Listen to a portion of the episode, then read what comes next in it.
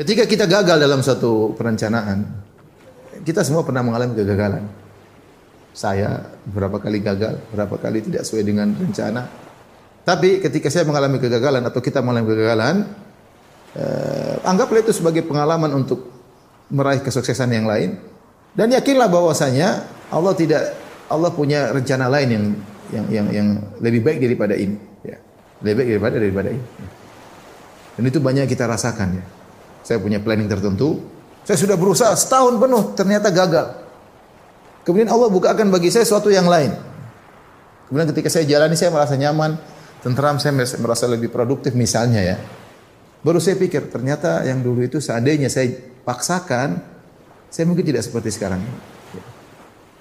Seandainya saya dulu paksakan, saya mungkin tidak seperti sekarang ini. Misalnya ini contoh sederhana ya, dan banyak hal kita, contoh seorang misalnya sudah daftar untuk suatu pekerjaan sudah dia merasa sudah hebat dia sudah lulus segala uh, seleksi. Ternyata dia tidak digolkan ternyata dia tidak diterima.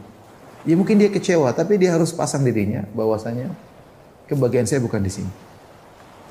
Kalau ini baik Allah akan mudahkan saya karena semua usaha sudah saya lakukan saya sudah berdoa. Ternyata Allah tidak membuat saya terima di sini. Ya ikhwan karena kita tidak tahu kalau kita terima situ bisa jadi kita ternyata sombong jadi angkuh mungkin rumah tangga kita hancur Mungkin kita selingkuh, mungkin kita korupsi, banyak hal yang kita tidak tahu lah. Allah tahu kita tidak pantas itu udah pindahin. Ya. Dengan begitu kita akan bisa menjalani kehidupan dengan enjoy bahwasanya saya sudah berusaha.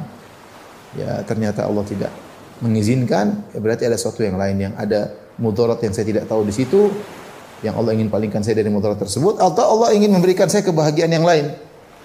Gampangnya Allah kasih saya gawean yang lain ya sehingga saya bisa lebih produktif di situ misalnya. Ya.